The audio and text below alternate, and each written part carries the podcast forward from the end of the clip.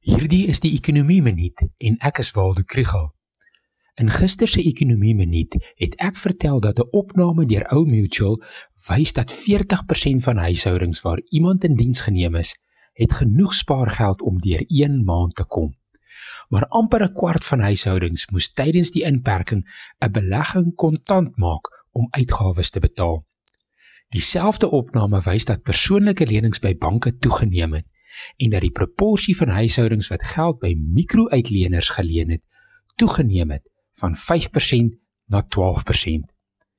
Mense gebruik 'n mikrolening om deur te kom tot die volgende betaaldag, maar dit is duur. Om R3000 te leen vir 2 weke kan tot R500 kos in fooie en rente. Die oud Springbok Brian Abana en sakeman Dion Obrega het onlangs 'n alternatief bekend gestel met hulle Pay Me Now groep se Smart Wage platform. Dit maak dit moontlik vir werkers om 'n gedeelte van hulle salaris vooruit te ontvang. Die werkgewer gee 'n voorskot en daar is 'n klein transaksiefooi. Die lening word terugbetaal deur 'n outomatiese aftrekking van die volgende salaris. Dit is natuurlik nie 'n oplossing vir mense wat opeenvolgende uitgawes skokke moet oorkom of wat gereeld bo hulle vermoë leef nie. Maar die fooie is baie laer as 'n mikrolening.